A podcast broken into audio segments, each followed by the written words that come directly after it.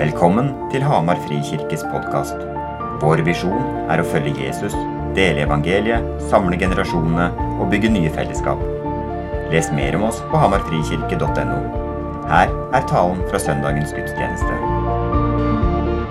Eh, nå skal jeg prøve å lande en, den minitaleserien vi har hatt nå de siste ukene om lengsel.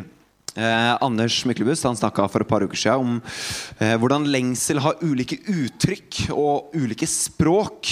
Eh, og viser seg på forskjellige måter, og at vi som kirke må romme det. Men at lengsel er også noe som trenger å gis retning.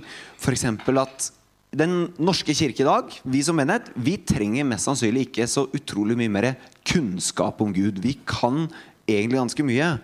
Eh, kanskje det vi trenger mer av, er Guds kraft. Den hellige ånds kraft.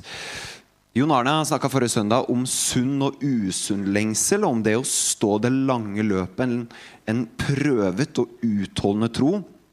Og så var Janne innom det med uoppfylte profetier og usvarte bønner. Der man kanskje ender seg med å beskytte seg fra lengsel og ender i skuffelse og kynisme. Hva skjer hvis jeg faktisk lengter? Vi prøver å skape et rom for lengsel i denne kirka her, og vi prøver å sette ord på noe vi erfarer at skjer allerede. At vi lengter. Fordi sunn lengsel er godt. Og det har en naturlig, viktig plass i kirken og i etterfølgelsen av Jesus. Fordi sunn lengsel det driver til handling og til å søke Gud. Og det driver til etterfølgelse av Jesus. Mens en usunn lengsel kanskje ender i en passivitet eller en kynisme der skuffelse får definere og styre. Det jeg skal gjøre Nå er at nå skal vi se på en tekst fra romerbrevet. Og så skal vi se på en kort eh, film, et vitnesbyrd. Eh, og så skal jeg si litt, eh, dele litt historier og erfaringer før vi skal se litt på dette, hvordan dette ser ut i praksis. Eh, jeg ber en bønn, jeg. Herre, Takk for at du er en Gud som ser. At akkurat nå så ser du oss, og du vet hva det er vi tar med oss inn i dette rommet i dag. Av vår historie, av våre erfaringer og mangel på erfaringer. Jeg ber Helligånd om at du skal stelle med våre hjerter, vår sjel og vår kropp i dag, så vi kan få se deg. Og jeg ber om at ditt ord og det som kommer fra deg, det skal bli til liv og lys i våre liv. Amen. De av dere som har en bibel eller en bibelapp, kan slå opp i Romerbrevet kapittel 8. Vi leser fra Romerbrevet kapittel 8, vers 18 til 28. Dette er da Paulus som skriver til menigheten i Roma. Um, og Kapittel 8 er på en måte en, kanskje et slags sentrum i romerbrevet. Det er en kjerne. Veldig mye av det han har skrevet, skrevet så langt i brevet, leder fram til det han sier i romerbrevet 8. Så å studere romerbrevet Jeg har studert teologi, gått på teologi i seks år. Jeg, altså er, jeg er ikke i nærheten av å skjønne romerbrevet. Romerbrevet er, for å si det mildt, det er sabla komplekst. Og det er et genialt teologisk skriv. Du trenger litt sånn som Ingrid. Ingrid Haug. Jo. Du må ha sånne som kan forklare rombrevet. Rombrevet er fabelaktig som et brev. Det er ikke noe helt enkelt å forstå. Og det, skal, det, han skriver, det vi skal lese nå, er, det er et slags, nesten et slags klimaks i brevet. I hvert fall så langt i brevet. Så vi leser fra eh, vers 18, og så skal jeg forklare det her litt. Rann. Jeg mener dette altså Paulus som sier Jeg mener at det vi må lide i tiden som nå er, ikke kan regnes for noe mot den herligheten som en gang skal åpenbares og bli vår. For det skapte venter med lengsel på at Guds barn skal åpenbares i herlighet. Det skapte ble underlagt forgjengeligheten, ikke frivillig, men fordi han ville det slik. Likevel var det håp, for også det skapte skal bli frigjort fra slaveriet under forgjengeligheten og få den frihet som Guds barn skal eie i herligheten. Vi vet at helt til denne dag sukker og stønner, alt det skapte, samstemt som i fødselsrier. Ja, enda mer. Også vi som har fått Ånden, den første frukten av høsten som kommer, sukker med oss selv og lengter etter å bli Guds barn fullt og helt når kroppen vår blir satt fri. For i håpet er vi frelst. Et håp vi alt ser oppfylt, er ikke noe håp. Hvordan kan noe håpe på det de ser? Mens vi håper på noe vi ikke ser, da venter vi med tålmodighet. På samme måte kommer også Ånden oss til hjelp i vår svakhet. For vi vet ikke hva vi skal be om for å be rett. Men Ånden selv går i forbønn for oss med sukk uten ord. Og Han som gransker hjertene, vet hva Ånden vil. For Ånden ber for de hellige etter Guds vilje. Vi vet at alt tjener til det gode for dem som elsker Gud, dem Han har kalt etter sin frie vilje. Store ord mye ord, ærlige ord. Jeg skal prøve å forklare litt Jeg skal prøve å forklare noen få elementer. Fordi det, altså det er jo skrevet doktorgrader på doktorgrader i 2000 år om dette. Så jeg, altså vi, vi skal bare skrape litt i overflaten av hva dette egentlig betyr. Men vi starter. Jeg mener at det vi må lide i den tiden som nå er Jeg bare for å kommentere det. Jeg har vokst opp ganske privilegert. Ganske beskytta. Har møtt minimalt med motstand. Så når jeg hører ordet lide, så tenker jeg på det jeg tolker som lidelse i mitt liv. Sammenligna med hva andre mennesker lider. Det er så stor avstand i hva vi erfarer av lidelse, at jeg, jeg tror ikke jeg er i nærheten jeg, av å forstå fordi i Roma så brente keiser Nero, som var keiser på denne tida her, da dette ble skrevet, han brente kristne levende i Colosseum. Det er så langt unna min frustrasjon og smerte over at tohjulstraktoren min ikke starter, som er kanskje det mest frustrerende jeg erfarer i dag.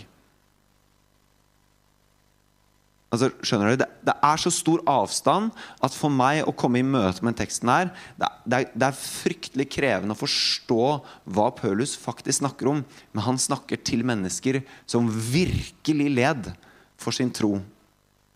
Og så sier han det dere lider, det er ingenting imot det dere skal få en gang der er framme. Så han peker på et håp. Han peker på noe som skal skje, og det er noe av det som kommer litt lenger ned i teksten. Og så skriver han fra vers 20, eller fra vers 19 For det skapte venter med lengsel, altså hele skaperverket. Ikke bare mennesket, men hele skaperverket, også jordkloden, venter med lengsel på at Guds barn skal åpenbares i herlighet. Mest sannsynlig så snakker han om oppstandelsen fra de døde. At det å åpenbares i herlighet er når vi skal få en ny kropp å stå opp igjen på en ny himmel og en ny jord, slik Jesus viste seg i herlighet med en ny kropp etter oppstandelsen. Og I litt tidligere kapittel 8 så skriver han litt om oppstandelse. og liksom, så er det litt derfor teologien sier at det mest sannsynlig er oppstandelsen han snakker om her. At når mennesket skal stå opp igjen, så er det som om det skapte skal få innfridd sin lengsel. Det, ska, det skapte venter på en nyskapelse en oppstandelse. Men slik Jesus måtte dø for å stå opp på ny, så må også det skapte dø for at nyskapelse skal skje. Så dette er ikke en tanke om en sånn bare vi jobber for positiv utvikling, så vil nyskapelse skje. På et eller annet tidspunkt så vil skaperverket dø. Og så veit vi ikke hvordan, og vi veit ikke når. Men det må dø for å skapes på nytt, slik vår kropp også må dø for å kunne stå opp igjen på ny i herlighet. Og så skriver han i vers 21 For også det skapte skal bli frigjort fra sla slaveriet. Nei, vent, da. Nå leser jeg litt tidlig. Fra vers 20. Det skapte ble underlagt forgjengeligheten, ikke frivillig, men fordi han ville det slik. Det er som om denne forgjengeligheten, det at ting dør, det er et slaveri, noe som binder. Og det skjedde fordi han ville det slik. Det er som om det er en dom Og kanskje er dette et da tilbakepek på dommen etter syndefallet. At det at jorden lider og, og erfarer smerte fordi det er forgjengelig, fordi ting dør Det er ikke evig. Det er en dom. Det er et slaveri. Men så peker han med en gang på håpet. For det skapte skal bli frigjort fra slaveriet under denne forgjengeligheten og få den frihet som Guds barn skal eie i herligheten. En nyskapelse, ny kropp, ny himmel, ny jord. Fysisk. Ikke at vi skal leve, sveve på en sky og spille harpe og leve livets glade dager. Nei, det er fysisk. Det er en nyskapelse av det som har vært, men det er frigjort.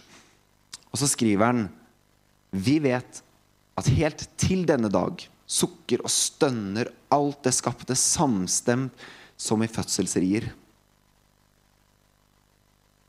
Og det er en setning som jeg føler beskriver det vi ser i verden i dag.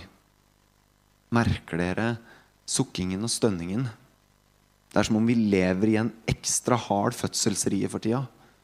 Det er som om alt bare er krampaktig og anstrengt og fylt av smerte og hat og drit og møkk og ah! Så sitter jeg på Hedmarken og er så sabla opptatt av den tohjulstraktoren min. Skaperverket og mennesket sukker og lengter etter å bli frigjort etter en nyskapelse. Og så skriver han så håpefullt at vi er frelst til et håp.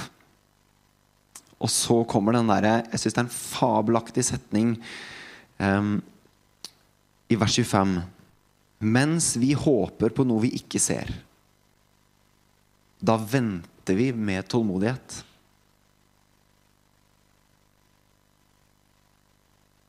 Venter du med tålmodighet?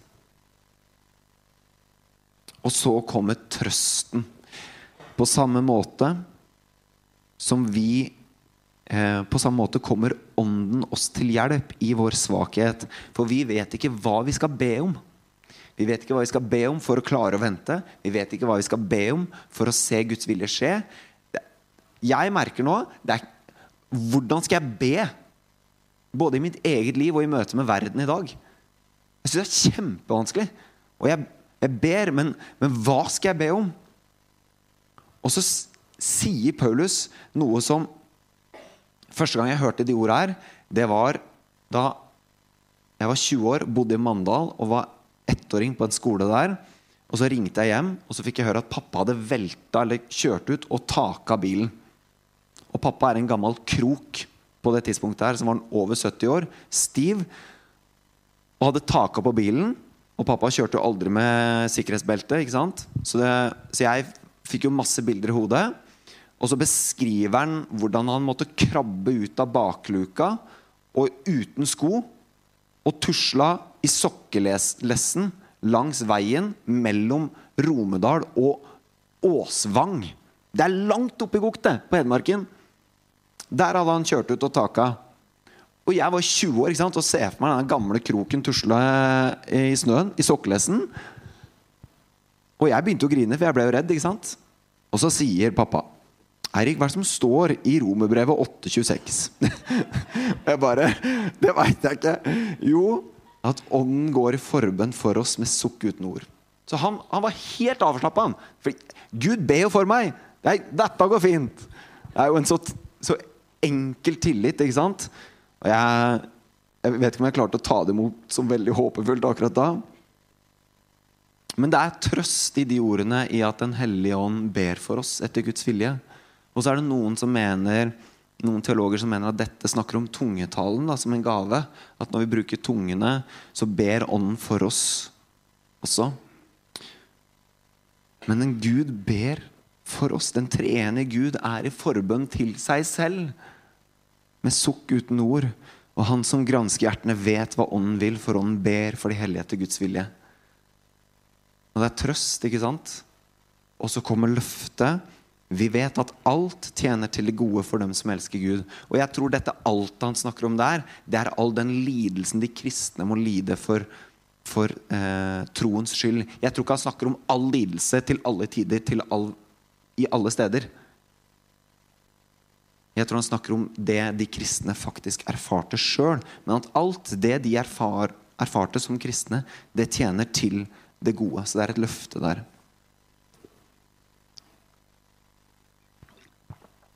Vi har fått vår første europeiske storkrig på over 75 år. Midt i fleisen.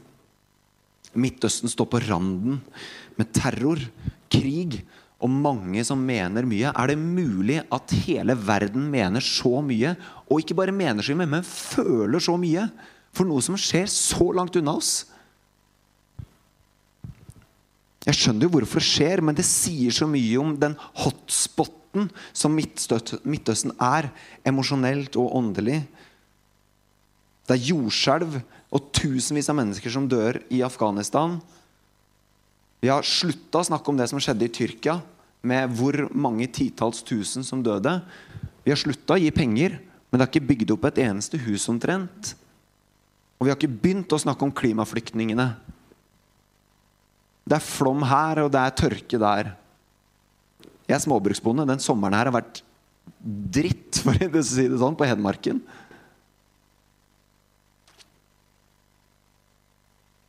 Det er et ganske heftig stønn som går gjennom verden.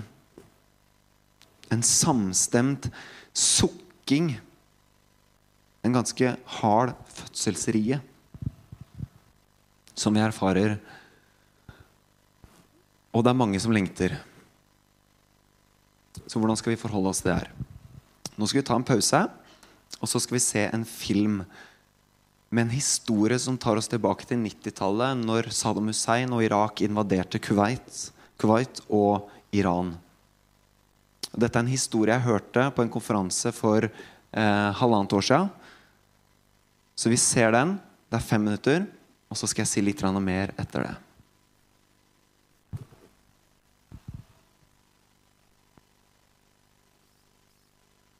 Grew up in the Baptist church, so we were taught Father, Son, Holy Bible.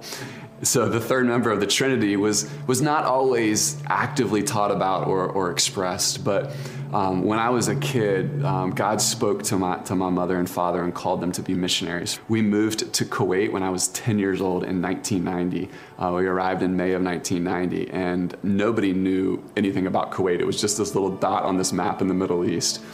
But three months later, on August 2nd, 1990, Saddam Hussein and Iraqi troops, the fourth largest army in the world, invaded Kuwait, and we were living right downtown.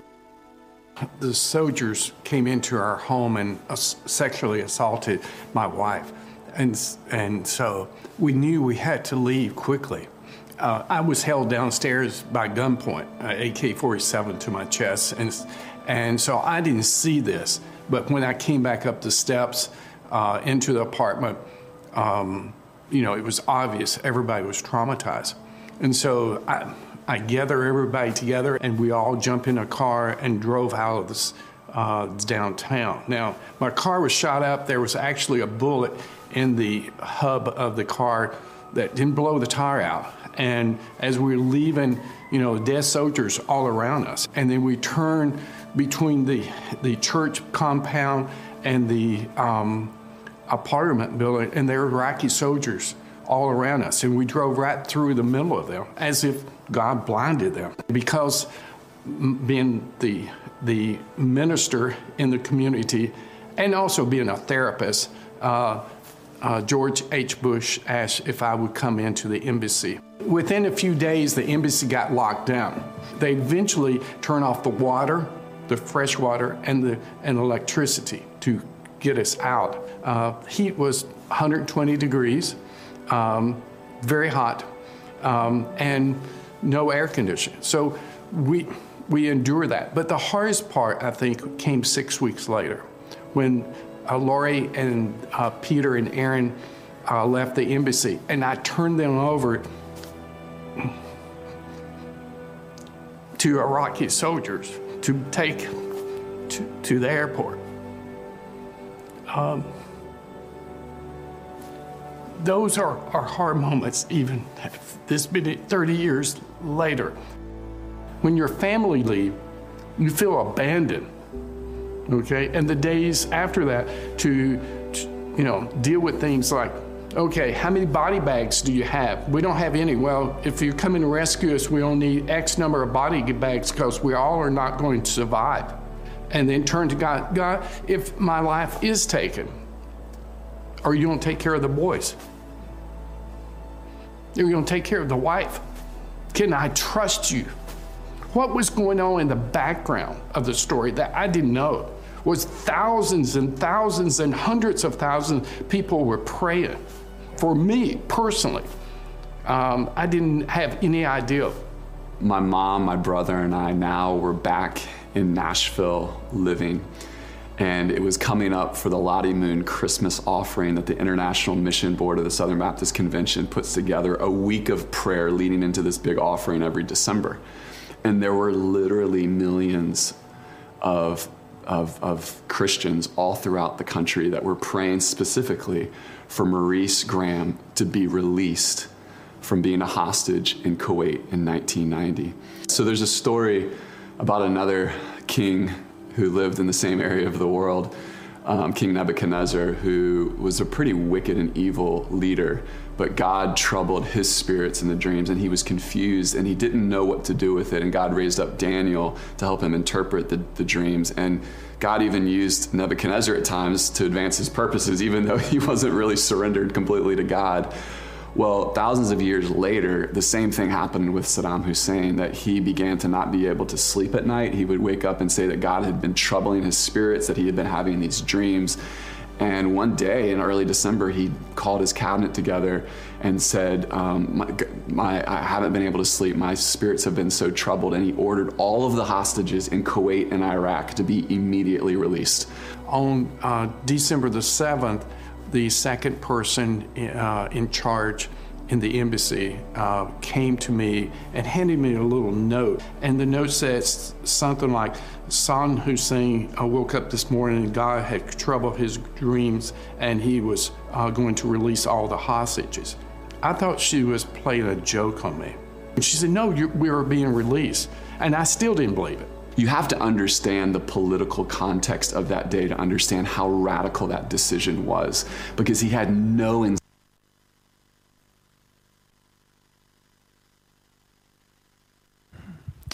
For halvannet år siden så var jeg på en konferanse i Orlando hvor de viser den videoen der.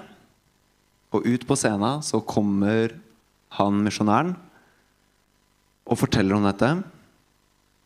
Vi var dødsdømt, ble holdt som gisler, men folk ba. Og så begynner Saddam Hussein å få mareritt. Og så slipper han oss fri. Han hadde ingenting å tjene på det politisk. Det var ingenting å vinne. Men han, han måtte slippe den fri, for han fikk ikke sove. Dette var to uker etter at, um, etter at uh, Russland invaderte Ukraina. Og den troa som var i det rommet, når 5000 mennesker reiste seg og ba om at Vladimir Putin skal få vonde drømmer, det var et så trøkk i det rommet som jeg, jeg har ikke vært med på noe i nærheten. Og jeg har bedt mye om at Vladimir Putin skal få vonde drømmer i tida etter. Men det har ikke skjedd. Men jeg dro hjem fra den konferansen. Jeg var hellig overbevist om at nå hadde vi redda verden. Jeg var så trygg, jeg. Og på den samme konferansen så snakka vi masse om Den hellige ånd, og jeg fikk masse liksom, tanker om at åh, jeg har jo egentlig stilt meg litt sånn kynisk til Den hellige ånd. Jeg har egentlig trodd at dette gjelder alle andre, men ikke meg. Så det var liksom ting jeg måtte prosessere. og og en, en, både vantro og kynisme og skuffelse og frykt jeg måtte uh, bearbeide og omvende meg fra. Og så reiser jeg fra den konferansen jeg har fortalt litt om det her tidligere, til Orlando og får noen heftige møter med Gud. Som jeg, som jeg har lengta etter, som jeg har bedt etter, og jeg har snakka litt om det her tidligere. Så jeg får jo tilfredsstilt så mye av mine personlige lengsler på den turen så står jeg og ser på Russland. Så tenker jeg, hva er det som skjer? Kom an, liksom. Når, Gud? Denne uka her så var jeg i Berlin på eh, samme konferansen, bare i europeisk kontekst. Og På siste dagen så kommer en kirkeleder fra Ukraina opp på scenen. Han leder det baptistiske teologiske seminaret i, i eh, Ukraina og begynner å fortelle. Og han sa vi spurte Gud mye. Hva er det du driver med? Hva, hvor er din vilje i det her? Ser du ikke lidelsen? Og så sier han vi brukte lang tid på å prøve å forstå. Og de forstår fortsatt ikke. Men det de sa, er at Gud har gjort noe veldig stort i kirken i Ukraina siste halvannet året. Så på ett år, midt under krigen, så har hans teologiske seminar, som har vært i kjempevekst de siste åra, gått fra 1500 studenter til 3000 studenter. Og de sender ut pastorer og menighetsplantere i bøtter og spann. Så han sa ikke be bare om seier, men be om at Guds rike skal skje i Ukraina. Fordi Gud gjør store ting i Ukraina. Og så sitter jeg der og så hører på her og så tenker Vent litt. Rane. Dere bombes, og dere drepes, men du lever i det med håp fordi du opplever at Gud gjør noe. Og så sier du til meg at jeg ikke bare skal be om fred, men jeg skal be om noe mer. For det virker som om Gud har et annet blikk på det hele. Og så tenker jeg tilbake på tida av Laos, en av de mest forfulgte kirkene i verden på den tida med 150 000 undergrunnskristne i tillegg til 150 000 offentlige kristne, så sitter kirkelederen til meg og Kristian uka vi skal dra, og sier ikke be om at vi skal slippe forfølgelse. Ikke be om det, for det er det beste verktøyet vi har. Men be om at Guds vilje skal skje, og at vi skal tåle forfølgelsen og lidelsen og smerten fordi Gud gjør noe. Det laveste tallet nyomvendte vi fikk høre fra de tre menighetene i byen vi bodde, nyomvendte på én uke, det var åtte. Det, ble, det, var det laveste tallet på et halvt år. Det var i, i, i snitt da, ti stykker nye kristne i den byen hver uke. Så sitter jeg her og er så sabla opptatt av denne traktoren min. og vi venter, og vi lengter.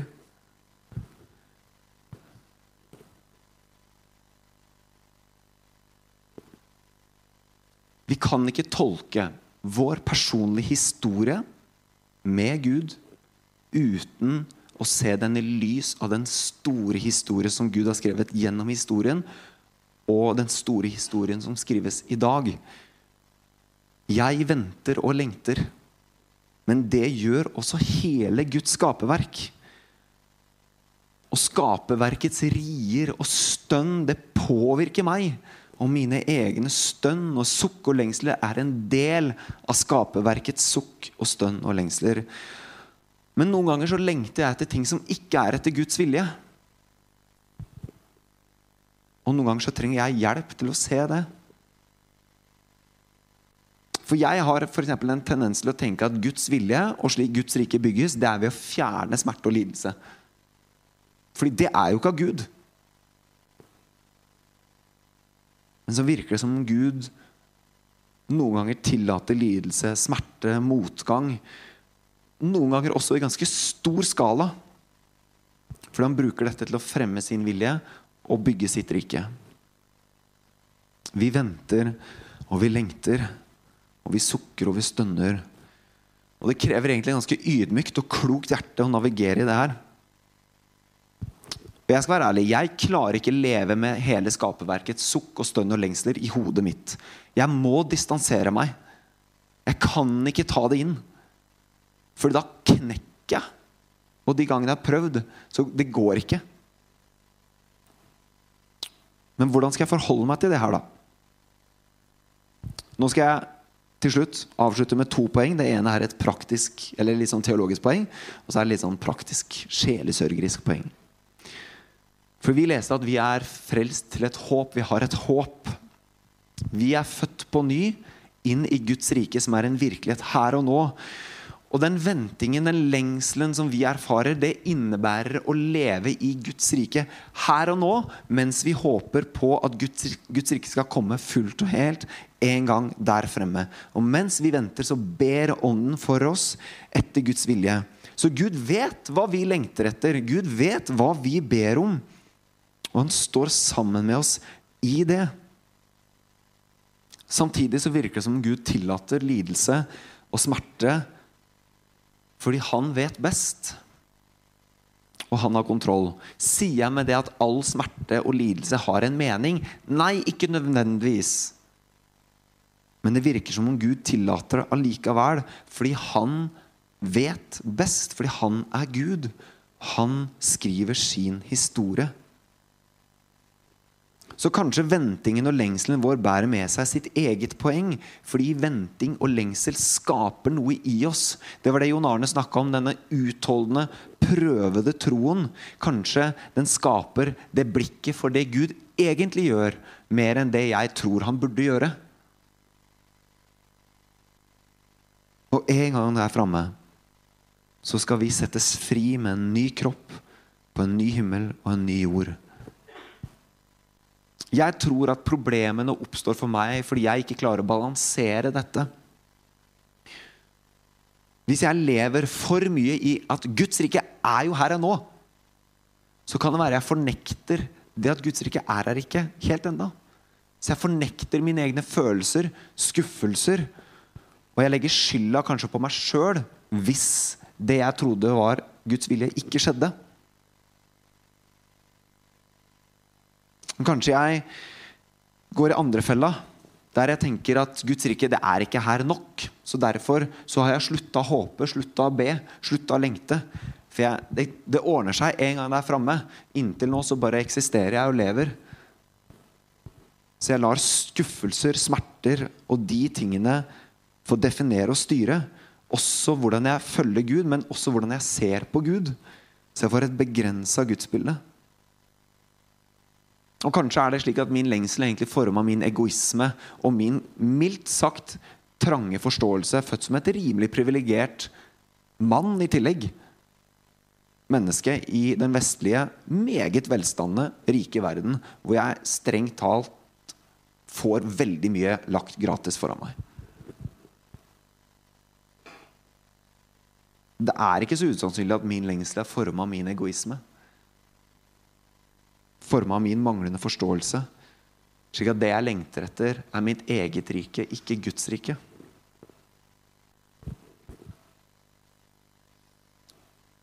Så mitt spørsmål er hvor er du i forhold til Guds rike? Hvor stiller du deg midt oppi det her? Hva er det du lengter etter? Og dette leder meg egentlig inn i det praktiske poenget for hvordan navigere. Og det er å stille det spørsmålet ærlig. Hvor er jeg i forhold til Guds rike? Lever jeg i at Guds rike det er så realisert her og nå at jeg fornekter følelser og skuffelser? Og legger skyld på andre ting? Lever jeg så mye i Guds rike enda ikke at jeg har slutta å søke, slutta å lengte, slutta å håpe? Og la skuffelser og kynisme få definere? Eller forholder jeg meg til Guds rike, som egentlig er mitt rike og min snevre forståelse, og ikke det jeg leser i Bibelen? Og jeg kommer fra en intellektuell tradisjon. Jeg skal love deg at jeg er primært i Guds rike enda ikke. For jeg kan masse om åpenbaringen. Jeg kan masse om oppstandelsen teoretisk. Jeg kan masse om nyskapelse, og jeg kan forklare dere hva Paulus mener når han snakker om at Guds barn skal åpenbares i herlighet. Så jeg kan masse med hodet mitt, jeg. Men å søke Den hellige ånd og be og faktisk tro at det kan skje noe Det er ikke så lett, i en intellektuell verden som jeg har vært en del av. For det kan jo skape enda mer skuffelse, og det er smerte og lidelse, og det må vi unngå.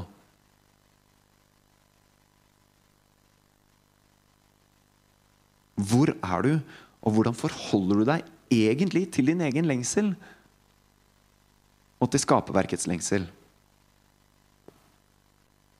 Og utvikler du en sunn lengsel, lengsel som driver deg til handling? Til å være det bønnesvaret? Til å prøve å minimere smerte der vi kan? Til å elske det neste? Til å søke? Til å be? Eller lar du deg passifisere av skuffelse? Tenker du at nei, du må gjøre det sjøl, fordi Gud gjør jo ingenting, så jeg tar alt på meg, men jeg nekter å be. Så jeg skal redde verden og bekjempe fattigdom, men jeg ber ikke, for jeg tror egentlig at Gud ikke gjør noe, for han bruker jo meg. Han gjør jo ikke noe sjøl, så han er jo ikke direkte involvert.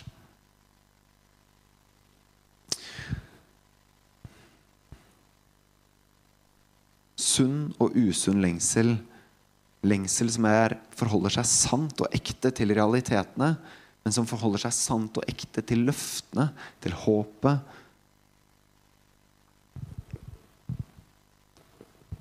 Vi skal straks avslutte. Dere kan komme opp og gjøre dere klare.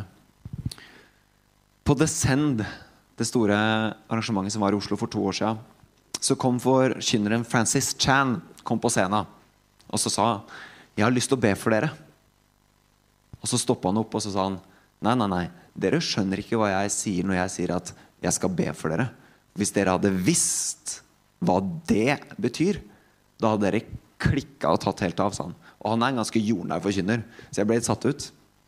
Men så holdt han en 20 minutters fabelaktig preken om at bønn er å be til den allmektige himmelens og jordens skaper, som er så stor at han kan gjøre hva han vil. Så han klarte å snakke opp en tro på at Gud er allmektig. Guds rike er her og nå. Så når vi ber, så kan de største tingene skje. Og så var det et rom der for at Men vi, det er ikke alltid det er så enkelt heller. Men la oss be med tro allikevel. Og det trøkket, det var fantastisk å være med å be etter den talen. Så jeg vil at vi skal be. Og vi skal be om at Saddam, eh, Ikke Saddam Hussein, men at Putin Han Jeg holdt på å si han må ta seg en bolle. men vi må be om at han skal få vonde drømmer. Og vi må be om omvendte, hjerter. Og så må vi be imot frykt og hat og splittelse i Midtøsten. For det greiene der, det kommer ikke fra Gud. Det er, det er ren og skjær djevelsk, det som skjer i Midtøsten nå. På så mange sider. Og vi må be for skaperverket. Og vi må be på en måte som driver oss til å være bønnesvar også. Og ikke bli passifiserte, men be med tro. For Gud er allmektig. La oss be. Herre, vi trenger en gave av tro i dette øyeblikket. Og du ser oss, som jeg sa i stad også, du ser oss. Men Herre, midt i vår skuffelse, midt i vår snevre forståelse, midt i vår sorg og vår lengsel og vårt håp, så ber vi nå, helt ærlig, kjære Gud, må du forbarme deg over det som foregår i Midtøsten nå. Og vi sier nei til all splittelse, all frykt, all løgn, alt hat som kommer fra djevelen. Og vi ber om at det må vike i Jesu navn. Og vi sier ja til sannhet, til mjuke hjerter, til omvendte hjerter. Og jeg ber for Saddam Hussein, Herre, du må gjøre noe. Og så har jeg samtidig lyst til å overlate han til deg, til din dom, til din hevn. Og jeg takker for at din rettferdighet en gang skal skje. Så hvis han ikke omvender seg, Gud, så må han svare for det. Men jeg ber om at han må omvende seg. Jeg ber om at de russiske soldatene skal omvende seg. Jeg ber om at ukrainske soldater som forsvarer, skal gjøre det ikke av hat. Og jeg ber for kirken i Ukraina. Herre, la ditt rike komme, og gi dem kraft til det de står i. Og, og jeg velsigner det du gjør, og takker for at du har kontroll, og du bygger ditt rike, og du skriver din historie i Ukraina midt i smerten, midt i lidelsen. Og jeg takker deg, Jesus, for at alt tjener til det gode for dem som elsker deg. Så Herre, forbarm deg. Og det er de store bildene. Og så ser du oss der vi er. Du ser hva jeg lengter etter. Kom, Herre.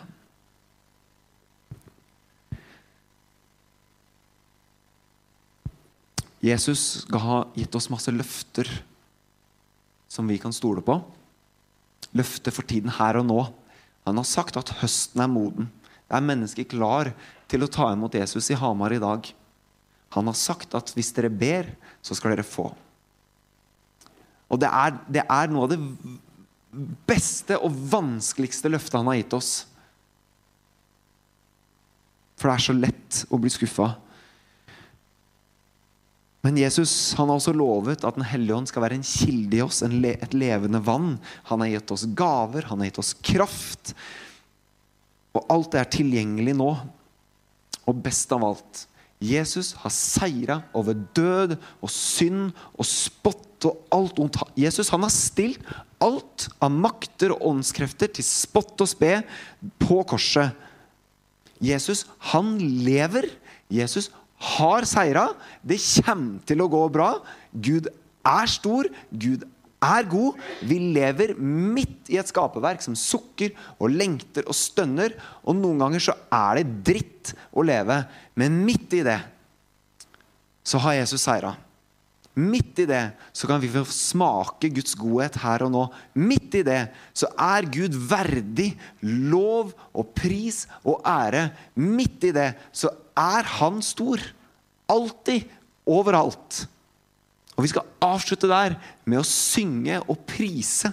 Vi skal ikke avslutte i det tunge. Vi skal avslutte med å reise oss og prise Gud for hvor stor Han er. Fordi midt i alt så er han stor, og han fortjener ære, han fortjener sang og pris.